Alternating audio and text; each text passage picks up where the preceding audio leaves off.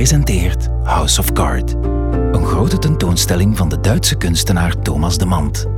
Vijf experten nemen je mee doorheen zijn werk vanuit architectuur en mode. Curator Valerie Verhak spreekt met Karen van Gwatsenhoven, Lisa de Visser, David van Severen, Kersten Geers en Freek Persijn.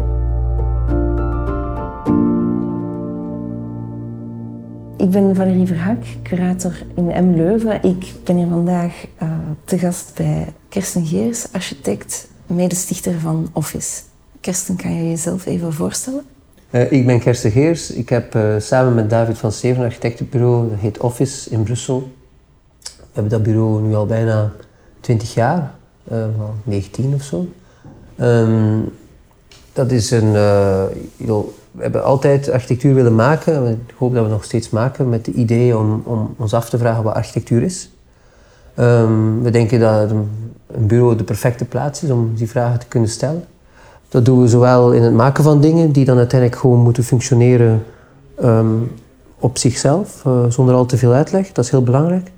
Maar evengoed uh, in het maken van een project op bureau, het lesgeven, het onderzoeken van van oeuvres van andere architecten, van andere kunstenaars. Uh, en dat laat ons toch toe, denk ik, om op een hele brede manier uh, enerzijds uh, architectuur in te nemen en op een hele smalle manier architectuur te maken. De reden waarom dat we jou hadden gevraagd is eigenlijk ook omdat jij samen met David ook een, een kleine samenwerking hadden mm -hmm. met Thomas Demant. Mm -hmm. um, kan je misschien even toelichten um, hoe die samenwerking tot stand was gekomen? Ja, wel, bedoel, we moeten natuurlijk die samenwerking moeten we niet groter voorstellen dan ze was. Maar misschien is het interessant om, om nog een stap terug te gaan in de tijd. Um, bedoel, we hebben over samenwerking die we gedaan in 2008 in de Biennale in Venetië voor het Belgisch paviljoen. Nu, echt 2008, dat is, toen was ons bureau vijf, zes jaar oud. Hè? Dus uh -huh. we zijn begonnen in 2002, zoiets. Um, en ik denk rond die tijd uh, zijn we ook beginnen samenwerken 2002, 2003 met uh, een Nederlandse fotograaf uh, Bas Prins. Die hier zo hier omsingelt een beetje. Mm -hmm. um, ja, die heel dicht staat bij ons en, en die op een manier ook, denk ik, belangrijke, uh, zou ik het zeggen, um, ja, invloed had of heeft eigenlijk op, um, op manier van kijken naar bepaalde dingen. En ik herinner mij dat, dat Thomas de Mand en zijn werk, ik denk dan ja, die, ja, misschien niet de allervroegste boeken, maar die boeken die dan zo uh, eind jaren 90 zijn verschenen rond zijn werk, die zijn zeker tot bij ons gekomen via, via Bas. En daar ben ik, als ik er nu over nadenk, bijna zeker van. Ik denk, Bas was daar heel erg gefascineerd. Die, ja, die foto's van, van ruimtes die, die niet bevolkt zijn, maar ergens op een manier wel aanwezigheid suggereren. Mm -hmm. Dat was heel, heel fascinerend. Hè? Dat je iets kan maken uit, uit karton, eh, meestal. Uh, dus dat je heel beperkt bent in een soort uh, range van wat je maakt. Maar dat op een of andere manier bijna in elk van die foto's een soort merkwaardige aanwezigheid of, of afwezigheid van iemand die net aanwezig was. Of mm -hmm. is een soort suggestie van leven zonder dat er eigenlijk leven op te zien is. Um, en misschien een rare sprong die ik maak, maar uh, impliciet had dat veel te maken, zeker wat mij betreft, een soort fascinatie uh, bij uh, depiction van, van ruimtes en dingen, uh, die ook heel hard zit. En, en het boekje staat nu toevallig achter jullie rug daar. die die ja, natuurlijk heel bekende, ondertussen zodanig bekend dat het bijna idioot is, schilderij van, van David Hockney. Mm -hmm. um, Bigger Splash. Mm -hmm.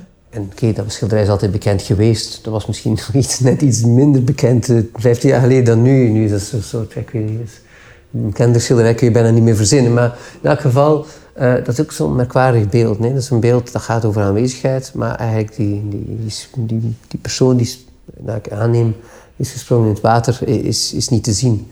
Dus ik denk dat tussen die drie punten, dus dat werk van Bas en ons werk, uh, dat werk van Thomas de Mand, uh, en dat zit bij veel van zijn werk, hè? zelfs als hij foto's trekt van die je hebt zo'n hele serie foto's van, van bladeren. Zo'n mm -hmm. soort bos bladeren. Je hebt zo'n ja. heel boek daarvan. Uh, waar je zo, er zit zo'n soort raar leven in, terwijl het gewoon papieren bladeren zijn. Dus, dus, dus Bas, ons, de mand en dan bij wijze van spreken als soort guidance.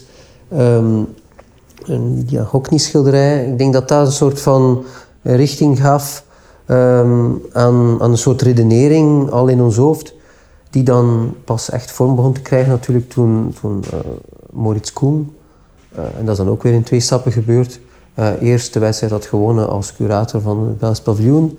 En dan had beslist om ehm, eigenlijk, ik weet niet meer hoeveel, was het zeven, was het negen, tien, ik weet niet meer precies, uh, jonge architectenbureaus die hij voordien had uitgenodigd in zijn 35 kubieke meter, om elk van die te vragen om een soort wedstrijdvoorstel te doen voor het Belgisch paviljoen.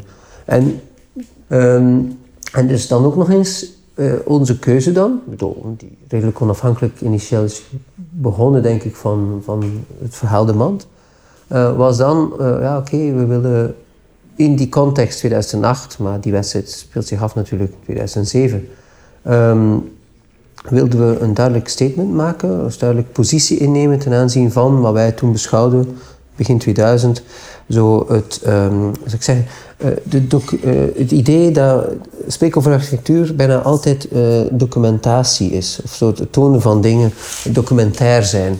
Um, terwijl we waarschijnlijk wel een interessante of een groot interesse hebben voor, voor zo iemand als een, als cola's of zo, vonden we eigenlijk toch een beetje aan de basis staan van wat dan zo dat documentaire, eh, de architect gaat naar plek X en toont dan de stad, gaat naar plek Y en toont dan de stad. Hij neemt geen verantwoordelijkheid meer over zijn architectonische vorm, toont geen vorm meer, uh, gaat niet meer over ruimte, toont geen dingen enzovoort. Dus we dachten van oei, uh, één op één, de vraag van Moritz, we moeten dat aangrijpen om, om maar eens uh, definitief komaf te maken daarmee. We gaan gewoon het paviljoen tonen als architectuur. We gaan ook tonen hoe dubbelzinnige architectuur is. Dus we gaan niet zozeer het paviljoen tonen van binnen, maar we gaan het ook tonen van buiten. We bouwen een muur rond het paviljoen. Uh, en die paviljoenmuur wordt in feite de facto het nieuwe paviljoen. Hè? Daar staat het ergens daar. Hè? Dus want mensen die nog niet in de biennale zijn geweest, weten niet eens wat paviljoen is. Dus bedoel, die denken dat ze in het paviljoen stappen, maar het blijkt dat het paviljoen eigenlijk in het paviljoen staat.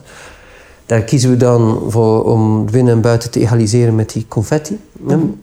En die confetti die maakt een associatie uh, met, met het feest, hè, uh, de party. En dus noemen we het hele project After the Party. Nu, dat is een soort lineaire logica die natuurlijk niet zo lineair tot stand is gekomen. Ja. Maar die wel, ik denk van zodra dat idee van het feest en na het feest en het, het tonen van de dingen zoals ze zijn, maar ze tonen alleen maar impliciet altijd meenemen presence. Hè. Dan komt die confetti natuurlijk, hè, want de confetti ligt op de grond, dus er was iets daarvoor, hè, de, het feest. Um, het feest is natuurlijk even goed een associatie naar wat we toen vonden, het, het feest van de eindeloze architectuurcelebratie, waar we vonden dat we tegenin moesten gaan. Maar het feest is ook in een heel feitelijke zin uh, het evenement. Hè. Dus van, er is iets, uh, en architectuur uh, gebeurt ervoor of erna, maar gebeurt eigenlijk bij wijze van spreken nooit tijdens het evenement. Want het evenement gebeurt in zekere zin, zou kunnen zeggen, onafhankelijk van de architectuur. Mm Dat is eh, echt een belangrijk element, denk ik, in ons werk altijd geweest.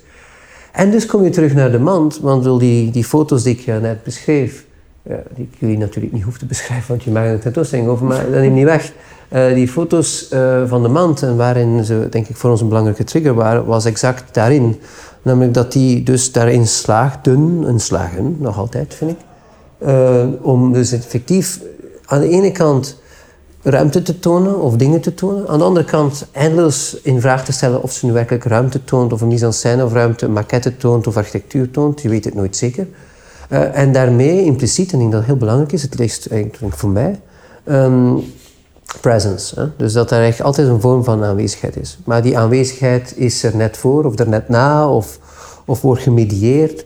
Um, ja, ik weet niet, waarschijnlijk heb je dan een heel beperkt woordschat om zoiets te beschrijven, maar je, misschien is het een soort van, eh, wat is het, brooding of een spanning of uh, daar is iets.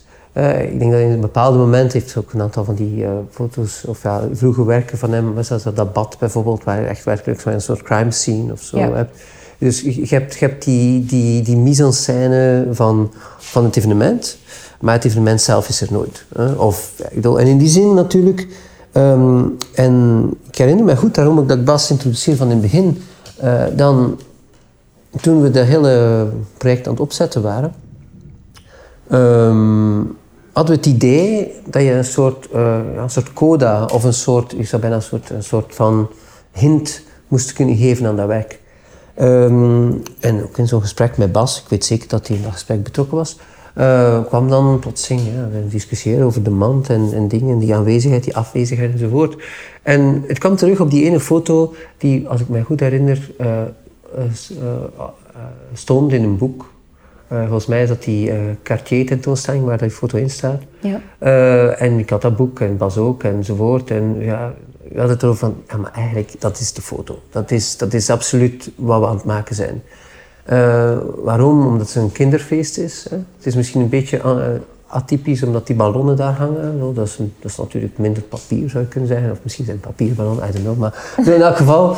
Um, maar dus dat kinderfeest waar zo... Was zo tegelijkertijd, uh, ja, bedoel, moet ik het zeggen, ja, het is een kinderfeest, dus het is iets vrolijks, maar tegelijkertijd zoiets waarschijnlijk donker, die hele foto.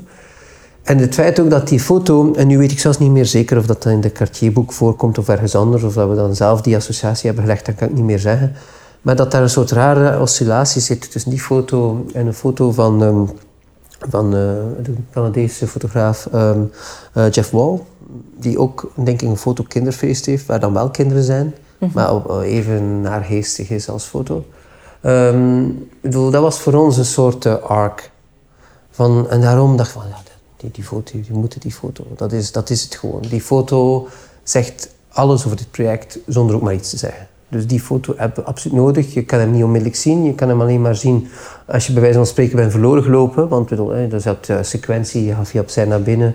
en dan, waarschijnlijk ga je dan, alles staat open, het film is weg. Ga je dan waarschijnlijk weer naar buiten. En voor degenen die dan per se nog in de andere wing gaan rondlopen, hangt daar die foto zonder uitleg. Uh, ja, dat was, ja, wat ik moet zeggen, toen dat dan allemaal op zijn poten of op zijn plaats kwam, dacht ik van, ja, dat is perfect. Nu moeten we alleen nog Thomas de Mant overtuigen. uh, dus uh, we hebben die dan gecontacteerd. Ik vermoed via Moritz, maar ik ben niet eens zeker. Maar wat ik wel weet, is dat hij onmiddellijk ja heeft gezegd. Uh, hij heeft daar niet aan getwijfeld. Hij heeft onmiddellijk gezegd, ja, cool, er bestaat niet meer, die foto. Hij is uitverkocht. maar... Ehm, maar ik maak hem opnieuw onder voorwaarde dat je hem nadien uh, vernietigen. Mm uh, en voilà. Dus, dus dat was die samenwerking. Dus dat is natuurlijk ja, dat is een samenwerking in zoverre dat ik blij was dat, dat Thomas toen de logica zag van dat, dat werk. Zo, zo, was dat natuurlijk toen nog een schets en een idee. En ik herinner mij, was ook op de opening en we hebben dan ook samen over gehad. Ik denk dat hij daar ook heel blij mee was uiteindelijk, omdat het juist zat. Zo. En we waren, ja, 2008, we waren ook heel jong architect. Ik bedoel, er was ook geen reden om daar per se op in te gaan. Hè, want dat was, we hadden hem, ja, we gebruikten hem eigenlijk als een soort zo'n label, een soort etiket die naast zijn werk zette. Hij was eigenlijk ons etiket bij dat werk. Mm -hmm. maar het was echt een noodzakelijk etiket. Ik, bedoel, ik had de indruk dat... Nou ja, natuurlijk, je hebt altijd bij dat soort dingen. Je hebt dan, je hebt dan misschien 50 mensen en, en 46 vinden het ongelooflijk, waarvan dan waarschijnlijk 40 het niet begrijpen, 6 begrijpen waar het over gaat. dan heb je er vier die vinden dat het absoluut onlogisch was, of tautologisch, of ik weet niet wat, dat het daar ging. Maar ik bedoel, ik kijk daar wel nog altijd naartoe en ik vind het dus ook een beetje jammer. Volgens mij zijn er geen echt foto's in die set van Bas, van, van het paviljoen, waar die foto erop staat. Mm -hmm. Omdat... Ik vond in die ervaring dat het, het, um, het, ja, het één op één, wat het natuurlijk ergens was, uh, maar dat het ik die, die detournement van gebouw tot uh, ja, bijna speeltuin, tot uh, uh, mise en scène van ruimte, tot de vraag of een gebouw zo tonen niet een maquette van een gebouw maakt, tot de, de, de problematiek van aanwezigheid, dat het eigenlijk helemaal terugkwam via die foto. Dus mhm. die foto had je nodig, vond ik, om, om dat te begrijpen. Zo natuurlijk, uiteindelijk vind architectuur moet ook bestaan als je het niet begrijpt. Maar, mhm. Dus dat is natuurlijk de dubbelzinnigheid van architectuur. En dat was hoe dan ook een beetje het statement tegen al die discussieve tentoonstellingen die zeker rond ik zeggen, 2006, 2008, nog 2010, zo, zo wel 2010 niet meer, tot, tot 2008 zeer aanwezig waren. Je bracht het daar net al even op, de model studies. Um, we gaan daar verschillende reeksen in tonen. De eerste reeks was uh, gebaseerd dus op het werk van de Amerikaanse architect John Loudner. Um, wat betekent dat werk eigenlijk binnen de architectuurgeschiedenis? Ah, Loudner, ja, dat is een raar architect. Hè? Ik bedoel, um, dat is een architect die in de laatste tien jaar ongelooflijk in de mode is geraakt. die denk ik daarvoor wat minder in de mode was. Um, en die altijd zo met zo één been staat in zo de glossy world of the imaginary houses. Zo, want dat is zo wat hij vooral heeft gemaakt van die hele merkwaardige villa's in L.A. Hè. Bijna allemaal in L.A. Aan de andere kant is hij natuurlijk ook een disciple van Frank Lloyd Wright. Ik bedoel, dat is iemand die bij Wright heeft gewerkt en die natuurlijk een zo heel uh, specifiek architectuurtaal heeft. En die, zelfs ik heel op mensen die dan zo, ja, Lautner, een soort bijna James Bond architect, hè, dat wordt dan zo. En het is ook zo'n typische soort huizen die dan zo in dat soort films verschijnen. Um, en daardoor op manier een zekere een soort populaire architectuur zijn of zo. Een soort uh, idee van een soort uh, extravagant, glossy LA wonen of zo, met een soort uh, een panoramapool en toestand. Ja. Mm -hmm. um, maar anderzijds is dat wel een, uh, bedoel, als je dat dan ziet vanuit die uh, right roots, is dat wel zo'n soort uh, craftsman-architect, denk ik. Zo'n soort. Oh ja, ik bedoel, kijk, ik was nu zelfs vergeten dat die foto's van, van de man van Lautner waren, maar het verrast me dan niet, omdat. Ja, dat is zo'n. Zou ik het zeggen? ja, dat is zo'n architect die waar zo, je hebt zo'n soort formalisme, maar dat is op een hele uh, vervrochte manier heel precies is of zo. Dus uh, het is niet zo gratuit als je zou denken, gebaseerd op zijn populariteit of zoiets. Mm -hmm. We hebben in de tijd, ik weet niet of David dat misschien gezegd, we hebben in de tijd een aantal nog dingen gezien. Heel lang geleden, dus eigenlijk nog voor de Biennale, 99 of zo, of 98, zoiets. Ja. Uh, toen, uh, toen, we samen naar L.A. zijn geweest, hebben we het geluk gehad uh, om in Hemisphere House te kunnen gaan, want dat was toevallig in verbouwing. Ik denk dat dat dan alleen door Dominic Taschen is gekocht of zo. Mm -hmm. Ja, dat is al zeer indrukwekkende architectuur. Dus, bedoel, maar dat is zo'n architectuur die, die als je als architect claimt geïnteresseerd te zijn in het individuele huis, zo Pascal Flammer of uh, in zekere zin Olgiati of zoiets, of zo, die individuele expressie, dan is dat jouw ster. Hm? Als je gelooft in architectuur met een zekere marxistische ondertoon dat de maatschappij gaat veranderen, dan is John Lautner zo wat het verste weg in de wereld. Nee? Um, ja, ik weet het niet. Misschien is dat niet een antwoord op je vraag, maar ik bedoel, dat is een beetje... Dus ja, Lautner... Volgens mij bestaat er maar één goed boek over Lautner, ergens in de jaren 90 gemaakt. En nadien zo wel van, Taschen-achtige publicaties die niet zo interessant zijn. Mm -hmm. Dus dat is ook zo'n architect die op een rare manier, uh, ondanks zijn enorme bekendheid, onbekend is of zo. Ja. Is, is, mijn gevoel. Ja. Uh, ja. Nu, ook specifiek aan die beelden die hij heeft uh, gemaakt van de modellen van Lautner, is dat het allemaal modellen zijn die ook nooit zijn gerealiseerd. Dus het zijn ja. eigenlijk... Um, het blijft eigenlijk bij het, het, het conceptieproces in mm -hmm. zekere zin. Ja. En ook het, het ja, de Earth-like ook wel. Hè. Dus er is een hele rare manipulatie in. Dus een manipulatie van terrein. Want het is eigenlijk allemaal stukken terrein die we zien in maquette. Hè. Karton dat terrein toont of uitsnedes en sculpturen van dat terrein. Heel, ja, heel boeiend. Interessant. Uh, uh, mm -hmm. ja, want uiteindelijk zijn dat gewoon hele kleine stukjes van een topografische maquette. Wat je daar, daar, ziet. En waar dan een snede in is gemaakt. En bijvoorbeeld dit. Ja, dat is... ja, dat zit ergens tussen Gary en, en ja, misschien verre, verre weg Wright. Uh, dat is de, bijvoorbeeld, de, de, de, de, er is heel onduidelijk ook hier, dat is heel fascinerend op manier, uh, wat nu uh, context is, wat interventie is, wat architectuur is en wat gemanipuleerde aarde is, zo te spreken. Mm -hmm. Want alles is karton. Mm -hmm. um, je sprak daar net zelf over, um, ook over jullie samenwerking ja. met Bas Prinsen als fotograaf. Mm -hmm. Hoe hoe zien jullie um, jullie samenwerking met hem? Creëert hij beelden die voor jullie een vorm van communicatie zijn? Of zijn het beelden die ook een vorm van research in zich kunnen dragen? De samenwerking met Bas is ontstaan per ongeluk. Op een manier, want dat was een vriend en ik zeg, we hadden foto's nodig. En we hadden nog niet eens een bureau, dus we eigenlijk niks. Um, anderzijds was dat wel een vriend die al van in de eerste dag, ik heb hem gebeld en zei, hey Bas, zou je willen die foto's nemen? Was dat iemand die op een hele autonome manier uh, zijn, ja, zijn aan, aan zijn het werken was. Dus het was niet, ah, ik heb daar nog een fotograaf die zin heeft om foto's te trekken voor de magazines of zo. Uh, en ik heb hem ook niet op die manier benaderd. Ik heb hem gevraagd van kijk Bas, ja, David en ik, we hebben dat gedaan, dat ding, dat is een rare plek, denken we. Want dus, ja, kijk, we zitten toch weer op hetzelfde thema een beetje. Dat is zo, zoals zo'n spiegelende plek in Antwerpen, notariaat zo'n plek uh, ja, dat zo'n rare manier aanwezigheid heeft, maar eigenlijk zo, dat spiegelt een beetje als die lichten aanstaan. In de ruimte wordt breder, maar ook niet. Uh, dat is zo'n soort, misschien, misschien, misschien zeg je dat wel iets. Misschien is dat een plek. Ik zou eens willen weten hoe jij naar die plek kijkt. Zo is de vraag gesteld geweest. Mm. Waarom? Omdat het, we zijn, om dan de, ja, dus het maakt allemaal cirkeltjes in. We zijn eigenlijk, heel die toestand, ons bureau is eigenlijk pas ontstaan omdat het Japanse magazine A U ons had gevraagd om een publicatie te maken van dat wijk van ons, terwijl we nog geen eens een bureau waren. Dus we hebben toen eigenlijk alles in één keer beslist. De naam van het bureau en de, de manier van communiceren enzovoort. Alles, alles in die, dat zeggen, die week of zo. En we hadden ook ergens het gevoel dat, dat voor hun dat het ook niet zo belangrijk was wat die foto's waren, zolang we dan maar foto's opsturen. Dus we hadden eigenlijk ruimte. En, en we dachten, ja, we zijn aan het begin, we weten niet eens of we echt bestaan. Dus laten we dan gewoon het experiment aangaan. Dus, dus die samenwerking met Bas is zo begonnen als experiment. Dus um, kijken wat die plekken zijn of zo. En daaruit leren ook. En daar dan misschien weer een andere plek uit maken. Mm -hmm. kijk, gebouw bouwen, ik zeg niet dat het gemakkelijk is. Het is heel moeilijk. En ik kom net uit 4,5 uur Zoom. Een opdrachtgever in Zwitserland, dus het is soms de hel.